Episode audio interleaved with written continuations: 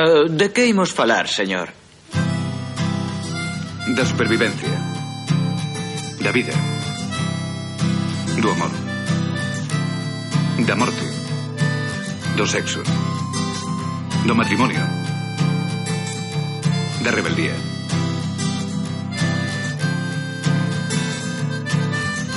Xa de noite a iluminación da cidade está ben pros verdadeiros fans do sol.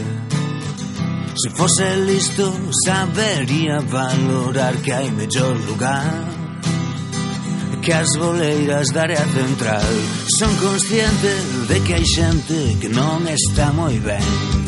Estamos xuntos na fin do mundo máis unha vez E pensa intensa que podería ser a nosa festa baby, come on.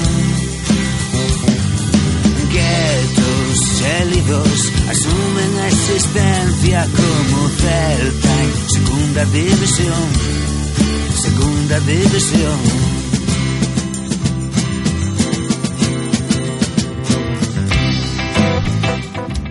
A teoría dos seis graus de separación di que dúas persoas calquera do mundo están ligadas entre sí por seis lazos de amizade En cada programa de Sexto Grau falaremos cun convidado sobre seis temas importantes da súa vida e escoitaremos seis cancións da súa escolla. Ao remate, pediremos unha lista de seis persoas coñecidas as que recomendaría vir ao programa. Ata que grau chegaremos? Que persoas coñeceremos? De que imos falar?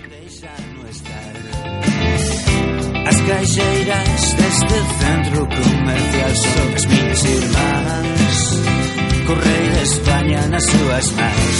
Son consciente de que hai xente que non está moi ben.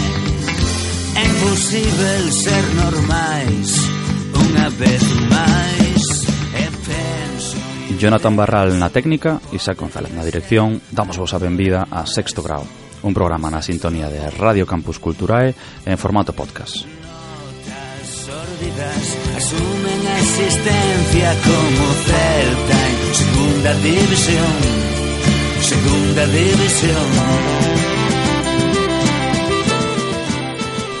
Hoxe sométese ao sexto grau Mario Regueira. Ferrolán Ferrolán é compostelano de adopción, doutor en filoloxía galega, especialista en teoría da literatura e literatura comparada, cunha tese de doutoramento sobre a narrativa de posguerra escritor de prosa, de poesía e crítico literario con máis de media dúcia de libros publicados. Colabora e colaborou con moreas de publicacións especializadas e xeralistas, das que salienta a súa crítica literaria periódica nos Hermos Galiza. Hoxe coñecemos ao doutor Mario Regueira. Benvido, Mario. Bueno, queremos coñecerte e vamos ir tratando temas eh, importantes na túa vida, eh, temas que, que coñeces. Un dos habituais que, que tratamos aquí é pois a túa infancia e a túa procedencia. Decías o de Ferrolán, Ferrolán e sorrías, non? Porque para Mario Regueira Ferrol ten un gran significado. Cale? Eh, ben, pois eh, é fácil, non? Que, que o sitio no que naces teña, teña un gran significado para ti pero ademais eu aderime un pouco a, a reivindicarme como, como Ferrolán pois porque ninguén o facía, moi pouca xente o, o facía, ou Ferrol tiña moi, moi mala fama, sobre todo en Compostela.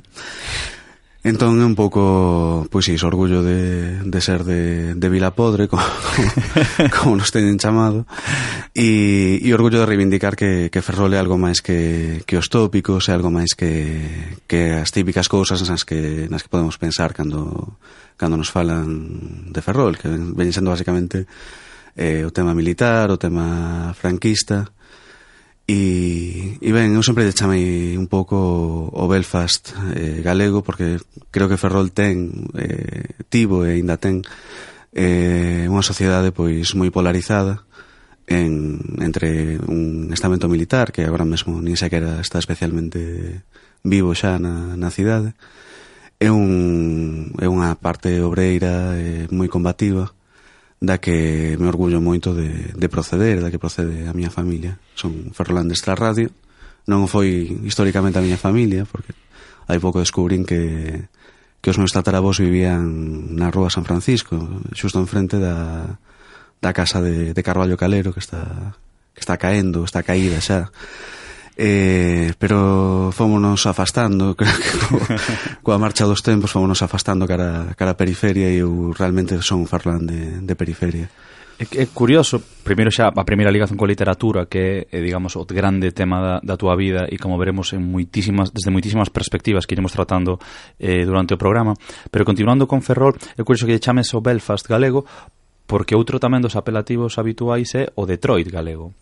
Sí, a día de hoxe eh, é máis ben o, o Detroit, Ainda que ben, eu teño que recoñecer que as, as últimas veces que, que fui visitar os meus pais eh, vin que a vida volvía un pouco ás rúas de Ferrol, que empezaba a haber xente outra vez, que había incluso un certo, un certo ambiente así.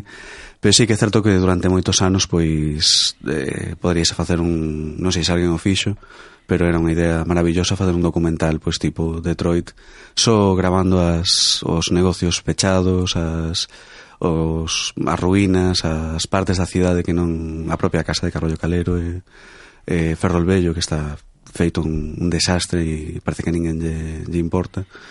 Eh, toda esa, toda esa decadencia non de, dunha cidade que foi que, que eh, nos quixeron invadir os británicos para, para facer un, un Gibraltar eh, a día de hoxe bueno, eh, está cousa moi, moi de capa caída non, non apelamos a unha nova invasión, non? Para...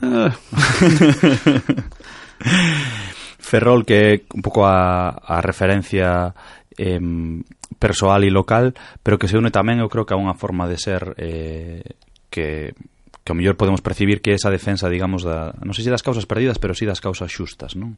Con Ferrol tamén che pasa algo parecido ou non? Sí, a ver, en certo sentido, eh, creo que sí. Hai hai unha parte hai unha parte diso e, e realmente o meu sentimento de pertenza, o que eu identifico co, co miña identidade en Ferrol, pois está moi relacionada á loita social, a, a loita polos dereitos dos obreiros, é un tipo de cultura que parece que se vai esvaecendo, pero que eu sinto moi viva. Eh, que é un tipo de cultura pois obreira, un tipo de cultura que se interesa tamén pola, pola identidade galega. E falabas, vámonos a ir máis atrás nas túas orixes, falabas tamén de, de que tes orixes que no que, que bueno, que viviron unha parte de Ferrol e que logo foron para outra radio, pero antes de vivir en Ferrol, de onde ven un pouco a túa caste familiar? Eh, porque ata onde eu sei ten unhas certas curiosidades, non? Eh, sí, o meu tatarabó era vigués. Uh, uh. Así que vamos de de vilas, bueno, de vilas non, perdón, de, de cidades, de cidades as dúas, además, de cidades Estamos de Vigo ahora, industriais eh, eh, moi ligadas tamén a, a Loita Obreira, de unhas para outras, e, eh, e teño unha tataraboa que, segundo parece, era, era italiana. Eh, digo segundo parece porque é o que se conta na familia, eu fun descubrindo un pouco que, que todo o que se contaba tiña unha base real e faltame un pouco por confirmar a, a parte a parte italiana, pero aparecerá seguramente. E hai un paso polo Brasil en algún momento da túa historia familiar, non? Sí, eu nunca nunca pasei polo Brasil, ni sequera de vacacións, pero sí que meus avós paternos eh, estiveron emigrados uns cantos anos, eh, meu pai vi, bueno, pasou ali a adolescencia, entón el ten unha capacidade narrativa, de, narra, de narrador oral moi así moi moi estimable. E, e claro, son os anos máis fermosos para, eu creo que para todos, non? Eh, a infancia o paso a adolescencia. E, e el, bueno, pues, eh, teme contado moitísimas cousas e configuroume un pouco como como un paraíso. Eu creo que que algo que pasa cos coas experiencias de migración que que queda unha terra fantasma nun lado ou no outro do Atlántico e esa terra fantasma pois ás veces non, non está non se corresponde co, coas lembranzas e non se corresponde cos, cos relatos que circulan na familia. Eu creo que que moitos dos, dos migrantes que, que volveron a Galiza pois se decepcionaron, os seus fillos acabaron decepcionados porque esperaban atopar outra cousa. E eu creo que evito inconscientemente a, a visita a Brasil pois un pouco polo mesmo, porque teño medo de, de non atopar esa, esa terra máxica que, que tanto significa na miña vida, na, na miña cultura persoal e familiar ou atopala xa non, non volver nunca máis para aquí, que é outra posibilidade. claro. E que ademais eh, eh, saco o tema de Brasil porque unha das primeiras cancións das seis que vai escoller eh, hoxe aquí en sexto grau Mario escolle seis, entran as que o tempo permite de, desta hora que nos reunimos para falar ten orixe no Brasil, non é, non é a única, de feito, da, da lista. Contanos, cal é a canción que imos coitar agora e por que a escolliches? Pois eh, é O Paneguiño, que está interpretada por, por Elis Regina, é unha canción de, de Edu Lobo. Eh, meus pais din que, que me cantaban isto cando eu empecé a andar, entón, de alguna forma, os meus primeiros pasos iban acompañados desta, desta canción. E un detalle que parece unha canción infantil para cantar aos nenos cando están cando estás, estás levando, erguendo do chan, pero se reparamos na letra, é unha canción profundamente política, ten un significado político no que ti agardas que os teus fillos teñan a liberdade que ti non, non puideches gozar. Bueno, fermosa historia, quedamos con Elis Regina, con este upaneguiño, para empaparnos da cultura brasileira, e a volta continuamos con Mario Regueira, no sexto grado.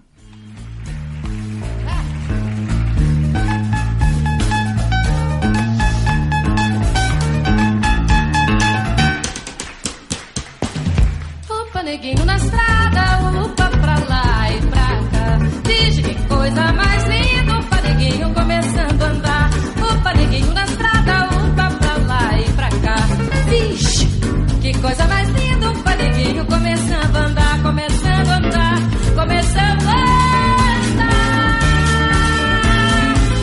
E já começa a apanhar.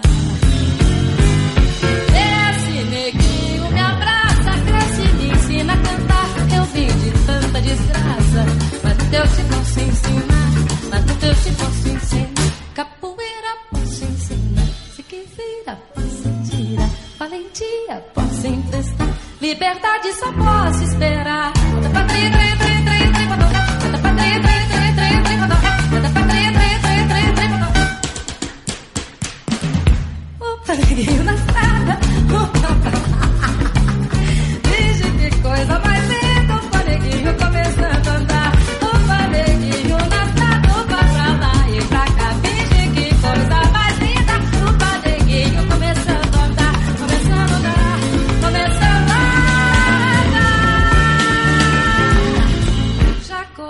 começa a apanhar.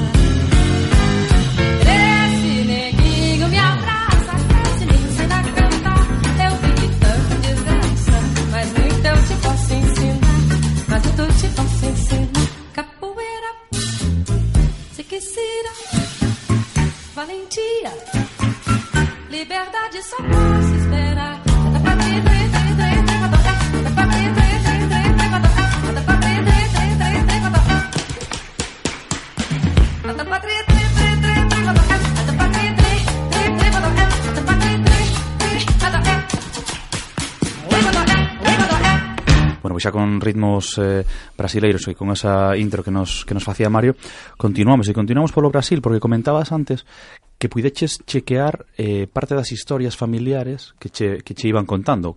Como se fai iso?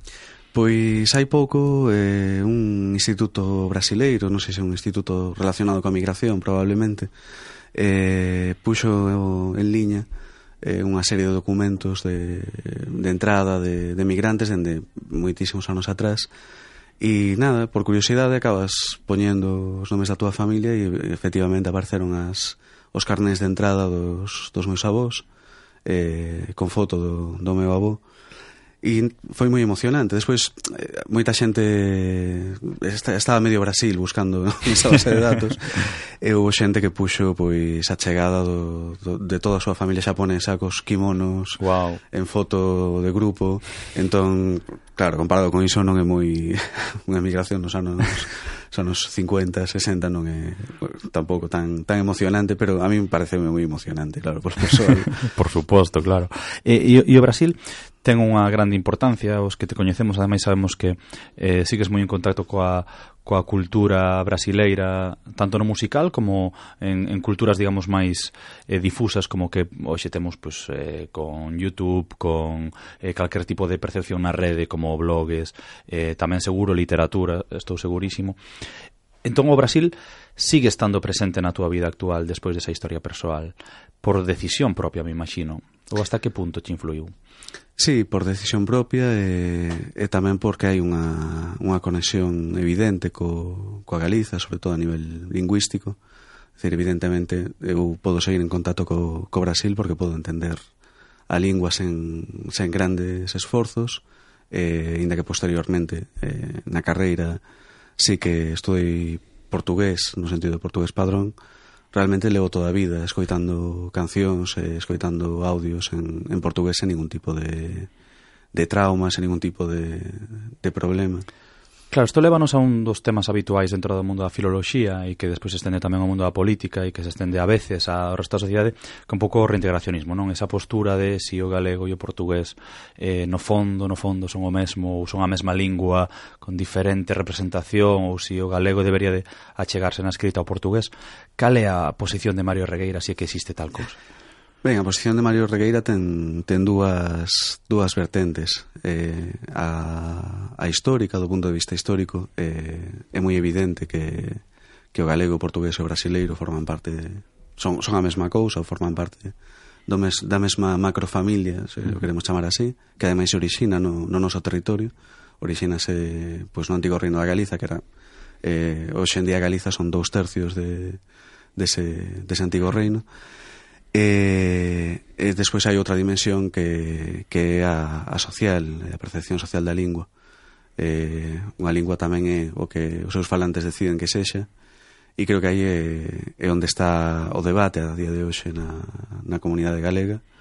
Pero ben, non tanto siga vendo xente que, que defenda a unidade, pois creo que un debate que, que sigue tendo sentido, es que tendo sentido dicilo. Eu teño unha percepción, e, e gustaríame saber a túa, a túa opinión sobre esta percepción, de que no pasado foi como un debate dentro do mundo da filoloxía especialmente, pero que despois saía un pouco eh, do mundo académico, como moi enconado, non? Cunhas posicións pechadísimas de irreconciliables, con mesmo odios persoais debido tamén a actuacións eh, a respecto da institucionalidade e tal.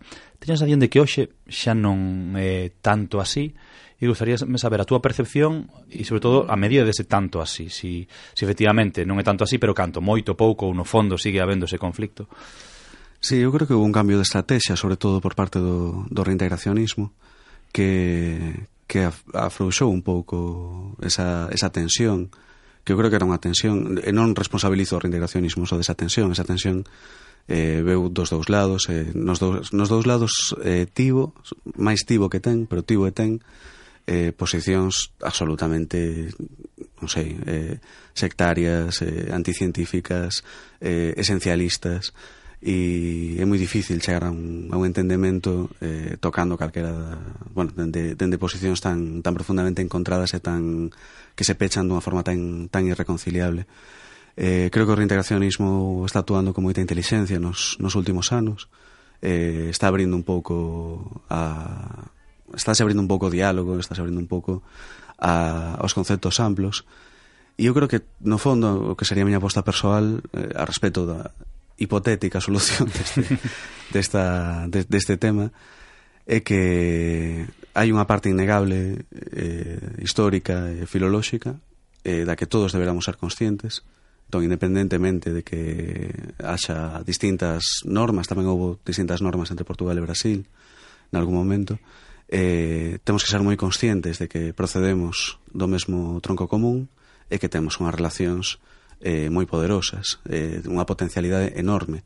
Eh, ainda só quedándonos na, na oralidade, eh, temos moitísima, moitísima potencialidade en poder falar eh, cunha lingua que se fala nos cinco continentes, que é unha das linguas máis faladas do mundo, eh, e da mesma forma, eh, incluso pasando a escrita, calquera persoa que lle poña un pouco de, de ganas, vamos dicir aquilo de dúas tardes que lle dicían a un presidente español, eh, pode aprender a, a escribir no padrón dunha forma bastante competente, mm. eh, que lle sirva para unha comunicación comercial ou de, de, ou de relación social. Mm. Por tanto, creo que un, un tesouro, unha, unha parte de, das, nosas, das nosas potencialidades, que, que como tantas outras potencialidades na Galiza estamos bueno, estamos rompendo, tirando cada un por un, por un lado.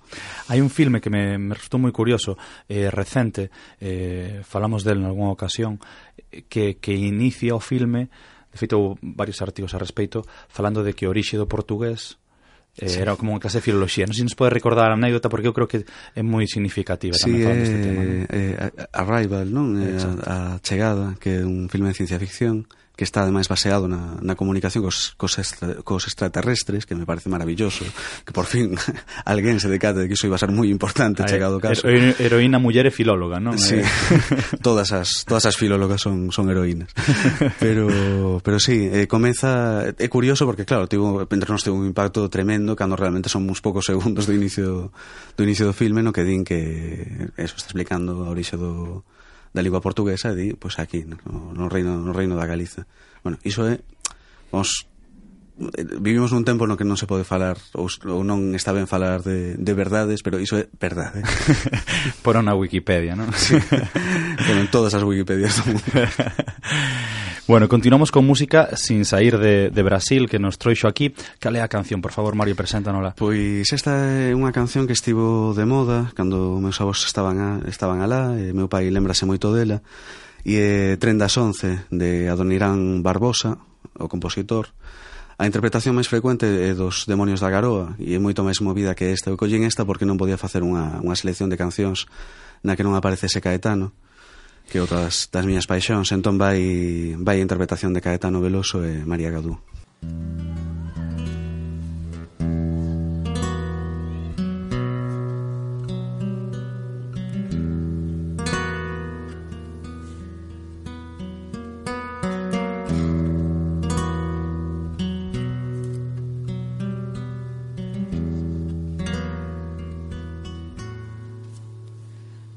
posso ficar nem mais um minuto com você. Sinto muito amor, mas não pode ser. Moro em Jaçanã. Se eu perder esse trem que sai agora às 11 horas, só amanhã posso ficar nem mais um minuto com você. Sinto muito amor, mas não pode ser. Moro em Jaçanã. Se eu perder esse trem que sai agora às 11 horas, só amanhã de manhã. E além disso, mulher, tem outras coisas. Minha mãe não dorme enquanto eu não chegar. Sou filho único, tenho minha casa pra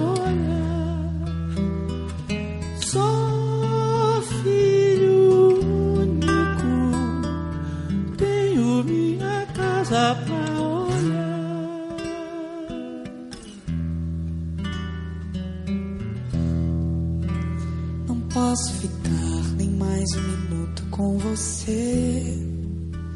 Sinto muito amor, mas não pode ser. Moro em Jaçanã. Se eu perder esse trem que sai agora às 11 horas, só amanhã de manhã. Não posso ficar nem mais um minuto com você. Sinto muito amor, mas não pode ser. Moro em Jaçanã. Se eu perder esse trem que sai agora às 11 horas, só amanhã de manhã. E além disso, mulher, tem outras coisas. Minha mãe não dorme enquanto eu não chegar.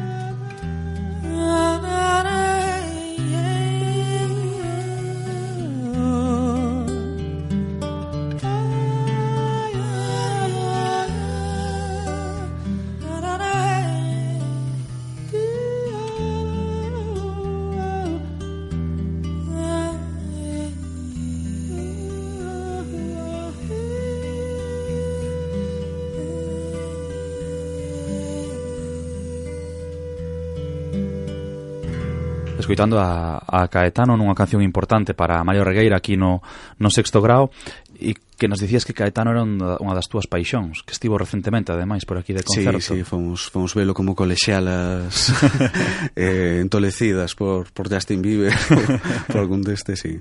Foi, foi moi bonito velo outra vez. E para quen queira máis información sobre as percepcións de Mario Regueira durante o concerto, pois algo que non dicía na introducción, eh, marioregueira.gal, o blog que centraliza toda a información de, de Mario, non só a información e o blog, sino tamén os seus escritos, os seus libros, as súas súas colaboracións en prensa, as súas críticas, bueno, toda a información eh, de Mario nun, nun traballo que, que se agradece moito de recopilación dun autor eh, para, para poder seguilo e, e te lo demán como, como tratamos de facer con, con Mario. E falamos de que ese escritor, iremos despois con eso, pero non fai moito que publicaches a túa tese de doutoramento. Sí, a mí parece que hai 25 ou 30 anos, pero sei que hai, parece ser que hai menos porque hai fotos. Entón, creo que hai un ano e pouco, un ano e medio. E cal é a tese da túa tese? Ben, eh, a tese da miña tese pois foi un pouco engordar pois un tema que para mí era importante, que eran os meus referentes literarios principais e como e como se, se desenvolveran nun momento tan duro como foi a posguerra.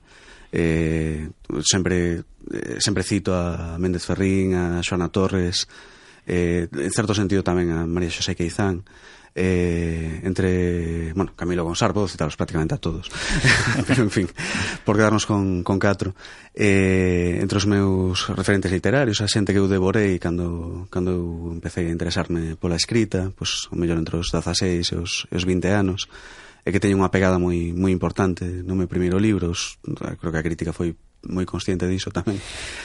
Eh, e interesoume moito como como aparecía esa esa proposta literaria, como aparecía, como se desenvolvía baixo a ditadura, que relación tiña coa coa política e que relación tiña con coa cousa que, que aparece moi axiña cando empezas a pescudar que é o concepto de piñeirismo. Uh -huh Entón, ben, ao final a miña tese trata sobre, sobre as narrativas eh, na época de, da posguerra, centrándome moi especialmente no que foi a Editorial Galaxia, que se funda nos anos 50, e, e tamén pois prestando atención a ese combate que houbo entre as, no, as novas propostas narrativas e, e a, as narracións que viñan da xeración precedente que eran as que lle interesaban a Galaxia naquel momento. Eu a verdade é que cando, cando souben que a túa tese trataba a literatura galega de, de posguerra, é dicir, despois da guerra civil e en pleno franquismo, sobre todo na primeira parte moi cru e moi belixerante con calquera cuestión cultural mesmo que tivera que ver con, pois co galego ou co, co país ou con calquera cousa que non estivese dentro da estrutura ben estreita do movimento eh, nacional fascista non? como, como lle deu por, por, por, por ir a unha época tan escura, tan difícil e, e bueno, antes de, de, de facerche a pregunta, sí que teño que dicir que unha vez vista a tese, que ademais eh, terá libro futuro, non? Sí, esperamos que sí.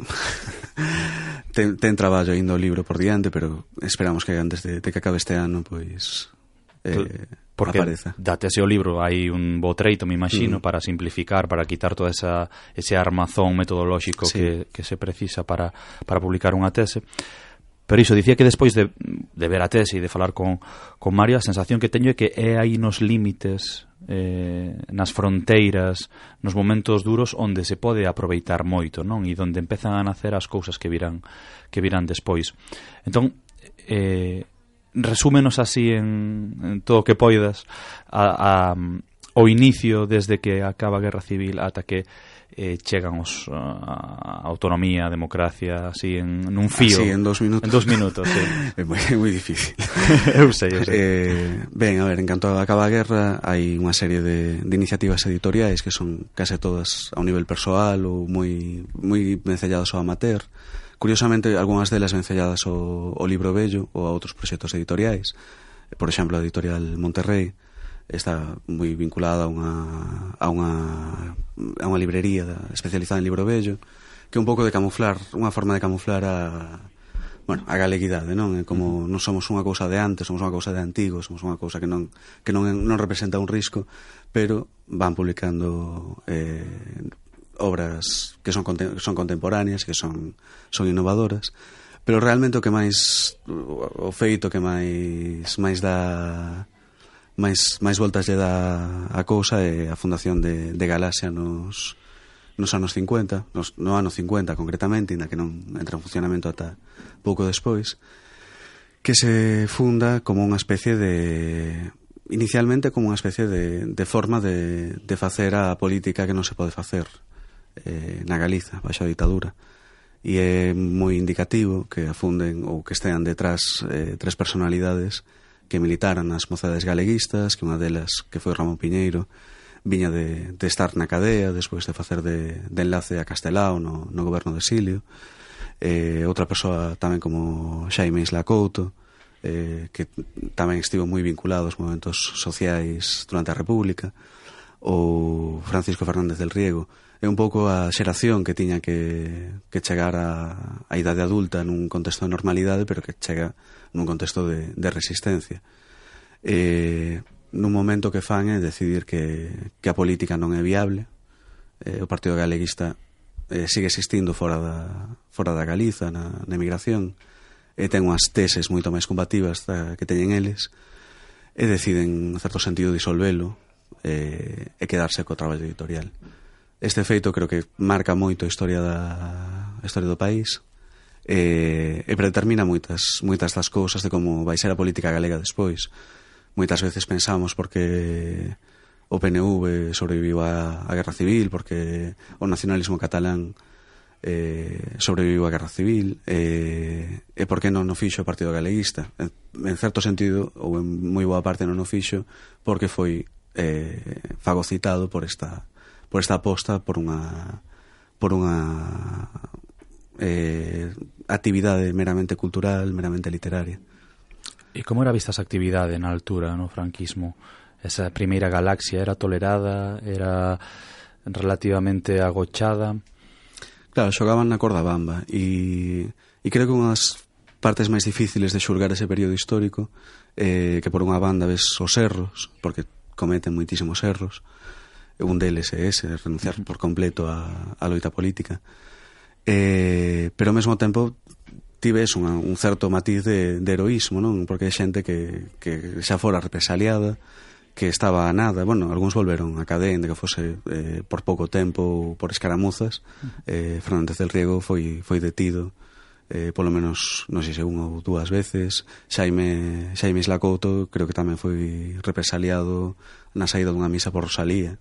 Ese, ese era o nivel de... Wow. Entón, eh, a, a cuestión é que ti ves unha parte de, de heroísmo. Esa xente estaba xogándose moitas cousas. E podía perfectamente non facelo. Podía perfectamente acomodarse, buscar outro tipo de, de traballos. E sí que se sacrificaron. Agora ben, iso non, non impide que, que se poida facer unha, creo que unha crítica en ocasións moi... É necesario facer unha crítica moi dura de, das, bueno, de como se formalizou eh, algunha, algunha parte da súa estrategia? Aquí, bueno, xurdeme como dúas, dúas ideas. A primeira é que sí que houve outros eh, escritores galegos que si sí se acomodaron en, como en nivel comparativo, non? Eh, e a outra das, das ideas é que ao final eh, esto de que a literatura e a política, que o galego está moi perto da política, é que é inevitable esta é a historia literaria recente en termos históricos que, que temos. Non? Entón, é, é difícil escapar da, da politización da literatura. Non, non sei se ti tamén o sintes así e, e, as, e a, con respecto a outra, a outra idea, si tes exemplos de autores que si sí se acomodaron ao réxime Sí, a ver, exemplos de autores que se acomodaron ao réxime hai moitísimos. Eh, eh, claro, que sei, Camilo José Cela, que se foi ofrecer como como delator ou uh -huh. Torrente Ballester que, que foi falanxista militante, na que despois intentase limpar iso e eu creo que de alguma forma tamén se arrepentiu eh, desa, desa fase da súa vida eh, incluso na Galiza pois, pues, está o caso de, de Cunqueiro que é moi polémico porque Cunqueiro é un escritor eh, maravilloso un escritor realmente unha das grandes figuras literarias que temos pero eh, foi unha persoa que en certo, en certo momento eh, se vai poñer a, a camisa azul e vai, vai intentar basar por alto que el militaba no, no galeguismo e ten unha relación co franquismo que ata que acaba o seu romance unha forma un tanto escura ademais co, co franquismo co, co establishment franquista en Madrid eh, non, lle, non lle formula ningún tipo de, de trauma polo menos eh, externo polo menos expresado uh -huh. Entón, sí, houve xente que, que evidentemente se acomodou. Fácil era acomodarse, realmente. É dicir, eu creo que se pensamos que xente tan pois o mellor tan que, que temos calificada tan como conservadora como García Sabel estivo no campo de concentración de, de Lavacolla pois claro, iso dache, un, dache moito que pensar non? de como, de como foron as cousas o cal insisto, non, quere, non xustifica non que neste país somos moito de, de facer que se ti sufriches pois xa tes dereito a, a facer sufrir os demais eu creo que non, non xustifica moitas veces eh, esa experiencia que, que evidentemente hai que recoñecerlles non xustifica outras das, das súas decisións nin das súas actividades posteriores Bueno, eu non sei a, a audiencia e ademais eh, eh, tendes as canles abertas para facernos chegar as vosas as vosas ideas pois pois polos medios habituais do século XXI, redes sociais e correo electrónico eh, que vos está parecendo un pouco esta, esta parte, porque a mí personalmente sí me fascina todo referente á túa tese, porque fala dun período e, e con unha perspectiva eh, nova de hai mil anécdotas que, que poderías contar de deses, deses tempos moi significativas, non? Pero temos que ir pechando xa aquí o capítulo, entón, se a audiencia non lo pide, pois eh, traemos a Mari un día para, para que nos fale só da tese, pero queremos seguir coñecendo a, a súa vida e a súa perspectiva tamén eh, como autor, que precisamente foi a tese que engativo un pouco máis aparcada. Entón, antes de entrar na parte eh, de autor, sí que nos gustaría, Mario, que nos presentases outras cancións eh, que, que ilustran esta, esta conversa que temos no sexto grau. Sí, pois esta é, é Russian Lullaby, que algo así como a canción de Tembalar rusa de, de John Coltrane, que é máis ben para, para despertar nenos e tamén para, para despertar conciencias.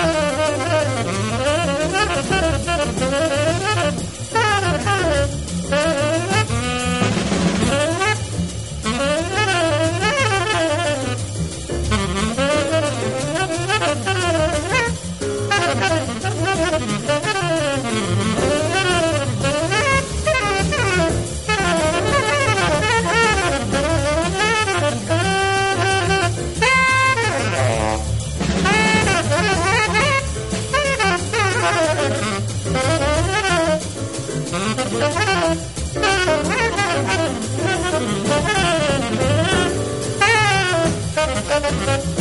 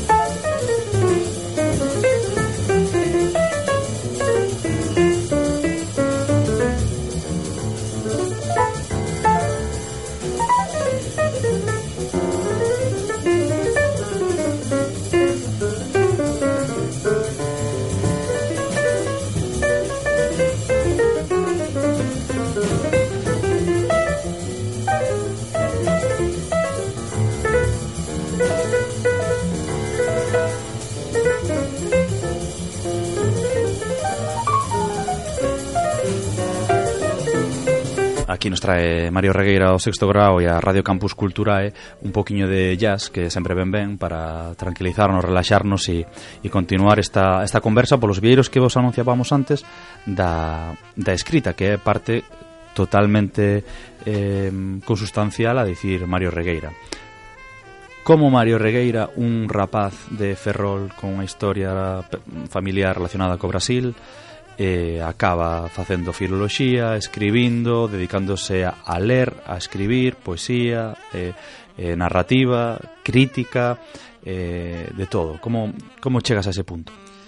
Pois eu eh, creo que o máis o máis destacable, o máis anecdótico, ainda que realmente agora de verdade tampouco ao cabo dos anos tampouco lle, dou tanta importancia, é contar que eu empecé facendo dereito.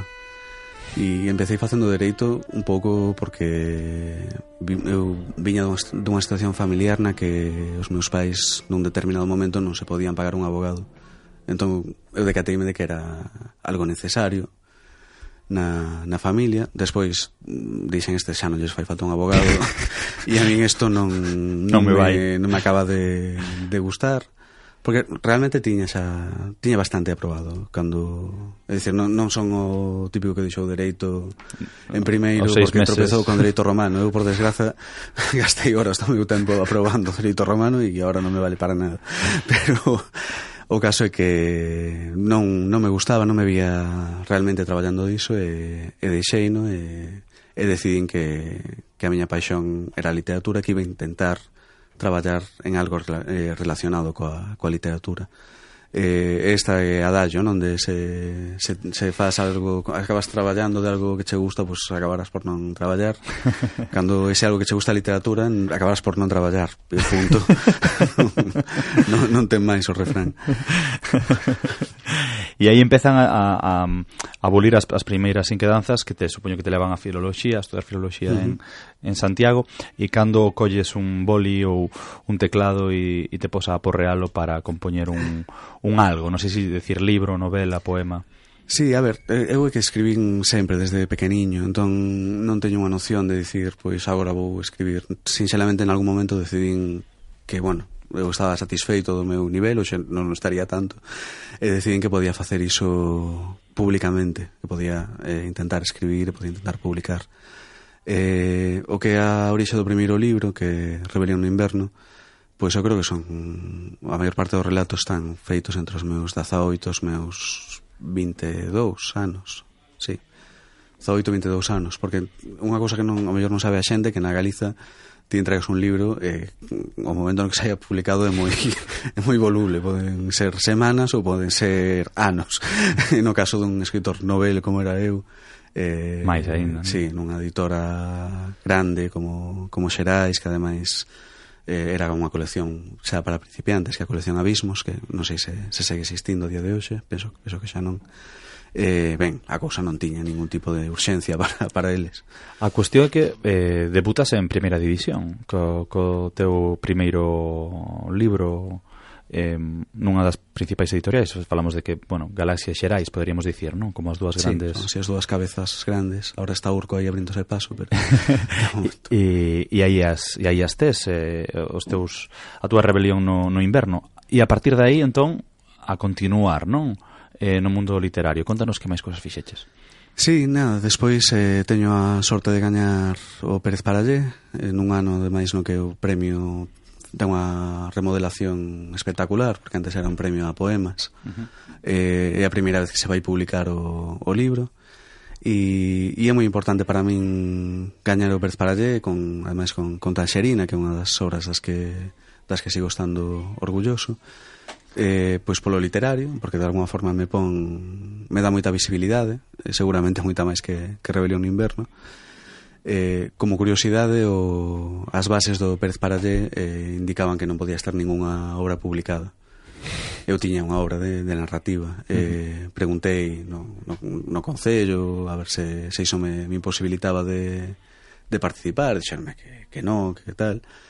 Eh, de todas formas, indiquei non aplica, por se acaso non era así, pois que me descalificasen chegado o caso de, de gañar, indiquei que tiña unha obra publicada e como ningún dos membros do xurado sabía da existencia da miña obra de narrativa, pois eh, consideraron que non era non, non representaba unha publicación e o demais non era de poesía e por tanto eh, pois nada, deronme, decidiron darme o premio. Eh, nada, é un premio que se convoca en Fene que ademais ten un significado moi especial para min porque de onde procede a, a bueno, a, a miña aboa materna. E, bueno, fene como ferrol son os militares é dicir, un sitio históricamente ou que foi históricamente moi moi combativo e, e a miña familia tamén e, teño moitos moitos lazos sentimentais eh, con, con, con ese territorio. E vas basculando entre poesía e narrativa, da máis case como un intermitente, non? Primeiro un de narrativa, logo de poesía, logo volves á narrativa, eh, senón... Eh, se non teño mal aquí con la Fish Rouge no, no 2007 sí. vas basculando entre, entre esas dúas correntes non, non sei como de común é iso non? nos escritores o de facer narrativa e poesía con tanta eh, facilidade e, e que non chega un punto no que cambias completamente e agora só fago poesía e narrativa, sino que levas como a par as dúas cousas. Sí, pois eu creo que non estou seguro, pero últimamente tampouco tampouco me parece tan tan frecuente, seguramente si, si que o é. Quero dizer, o si que o foi, ou o mellor, eh, sinxelamente, que a xente tarda máis en publicar outros, outros xéneros, é dicir, centrarse principalmente nun. E eu si fun máis ou menos intercalando, pero eu sempre digo o mesmo, eu cando, cando escribo eh, non teño... A ver, evidentemente escribes nun xénero, sabes, se vas a escribir unha novela, ou se vas a escribir un poema, se vas a escribir unha, unha peza de teatro, pero pero no, a hora de, de, de xestionar as ideas, xestionar os proxectos, non teño unha diferenza tampouco moi moi grande. Seguramente teño máis diferenza entre escribir ficción ou escribir literatura recreativa, por chamalo así, e escribir ensaio. Para min esa, ese é o verdadeiro abismo, ese é o verdadeiro cambio. E de feito, bueno, os anos xa levo un tempiño así sen, sen publicar creación, e, e en parte porque estiven coa tese, decir, eu creo que eses dous modos sí que, sí que me absorben por completo. Eh, vamos a escutar un poquinho de, de música porque además, falando de poesía traes hip hop, que dirían os sí. eh, portugués falantes. Hippie, hippie hope. Hippie hope no, no Brasil, hip hop en Portugal. e, e cal é a canción entón que sí, nos traes? Eh, samba, samba do fin do mundo, de Emicida. Uh -huh. eh, hai un movimento moi moi importante de, de hip hop en, no Brasil, que eu recomendo a todo o mundo que se achegue que ten figuras eh, absolutamente, eu creo que fora de serie como, como Emicida, uh ou como Criolo, que non fai só hip hop, agora tamén creo que sacou un disco de música de música popular. E, e esta canción eu creo que me parece brillante, eh, sobre todo pola letra, se non se entende a letra porque fala moi rápido, como podemos ler portugués sen ningún problema, animo a xente a que, a que a busque, que, que a lea. Quedome só cunha, cunha unha expresión que é eh, somos a reforma agraria da música brasileira. Aí ímonos con Micida a escutar un poquinho de música brasileira contemporánea.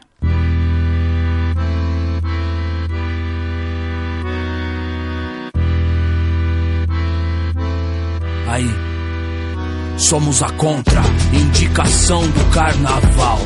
Na de tambor digital, Fênix da cinza de quarta, total. MST da rede social. Sabendo de onde vem as crianças, alarma. Assim como cê sabe de onde vem as armas. Grana de judeu, petróleo árabe, negócios. Mas sangue e suor são sempre nossos, chefe. Vai ter um 5712 lá. Enquanto a Unicef vier depois das HK. Sem blefe ou teoria, sem teoria. CDF do que não presta. Olha pra esse lugar, os rapper brinca de cafetão. Vim tipo um afegão, estoura o champanhe. E da própria extinção. Corremos como Alan Proust, o prêmio, frustração. Pondo pra baixo, tipo a sombra do ghost, a nova tropicália. Velha ditadura, nossa represária. Fuga da vida dura, ação necessária. Por nossa bandeira, que isso é a reforma agrária da música brasileira. Vai. Quantas noites cortei? Cortei. É importante dizer Aham. que é preciso amar, é, preciso lutar Resistir. resistir até morrer. E aí? Quanta dor cabe no peito? Por nós. Vida só. Aí. É preciso não ter medo. É quente. É preciso ser maior. Somos a bomba, redenção, napalm, miséria, cartão postal, Brasilândia, Capão, Vidigal. estopim da guerra racial. Foi amistade, pouca idade, hoje jihad, problema, revolução morena. Se descobre quando vê no sistema essa máquina de moer pobre. Os porco reina, orgia, favela queima como Congresso deveria. Eu falo de suor e calos, traumas e abalos, almas e ralos. São Paulo, fumaça feia, capitães do mato versus capitães de areia. Tristeza, pé no chão, no país referência em arma anti-manifestação. Ódio na íris, drogas num pires, terra brasilis, ambição. Olhos de Osíris, e só parar quando pôr uma faixa preta no arco-íris. Quantas noites cortei. Sozinho. É importante dizer O quê? que é preciso amar, é preciso lutar e resistir até, Até o fim. Quanta dor cabe no peito ou numa vida só. Então. é preciso não ter medo. É nóis. É preciso ser maior.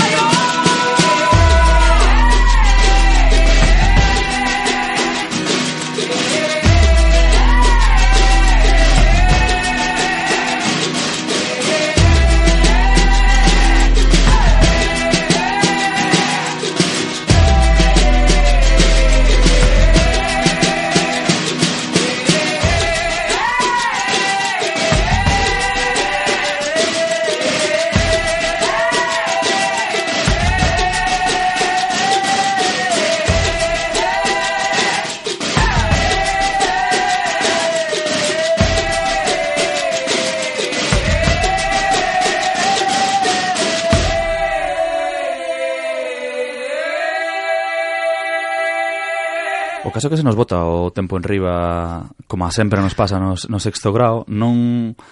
E, e fora do sexto grau tamén. Eh, máis, cando non hai límite. Eh, máis. En calquera caso, queremos che dar as, as gracias, Mario, por, por vir. Quedan un par de cancións que publicamos, como a sempre, no podcast, a playlist dos, dos que nos eh, visitan E animamos a todo o mundo a que visite marioreguera.gal e se sigan papando de moita da, da produción de, deste autor que estivo atrapado por unha tese que tamén nos atrapou a nós sí, un pouco, sí. e que agora que está liberado eu imagino que o teremos máis presente sí, xa estamos facendo social. cousas outra vez feito así que conta, conta estamos facendo Burán que podedes coitar tamén aquí en Radio Campus Cultura eh, con, con dúas compañeiras que, que son moito mellores canóns como Desde a logo. Vermella en ela. Pois con ese emprazamento que escoitedes Borán, vos deixamos aquí no sexto grau. Gracias por escoitarnos, vemos vos na semana eh, que ven ou no podcast. Gracias. Trinity, you get three as a magic number. The past and the present and the future, faith and hope and charity, the heart and the brain and the body give you three. As a magic number. It takes three legs to make a tripod or to make a table stand. It takes three wheels to make a vehicle called a tricycle. Every triangle has three corners, every triangle has three sides, no more, no less. You don't have to guess. When it's three, you can see it's a magic number. A man and a woman had a little baby. Yes, they did. They had three in the family. That's a magic number. Three, six, nine, 12, 15, 18, 21, 24, 27, 30. Three, six, nine, 12, 15, 18, 21, 24, 27, 30. Multiply backwards from 3 times 10. 3 times 10 is 30.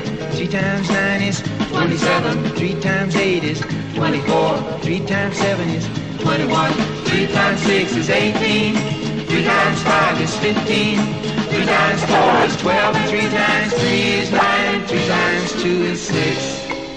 And 3 times 1 is 3, of course. Now dig the pattern once more. 3. 3, 12.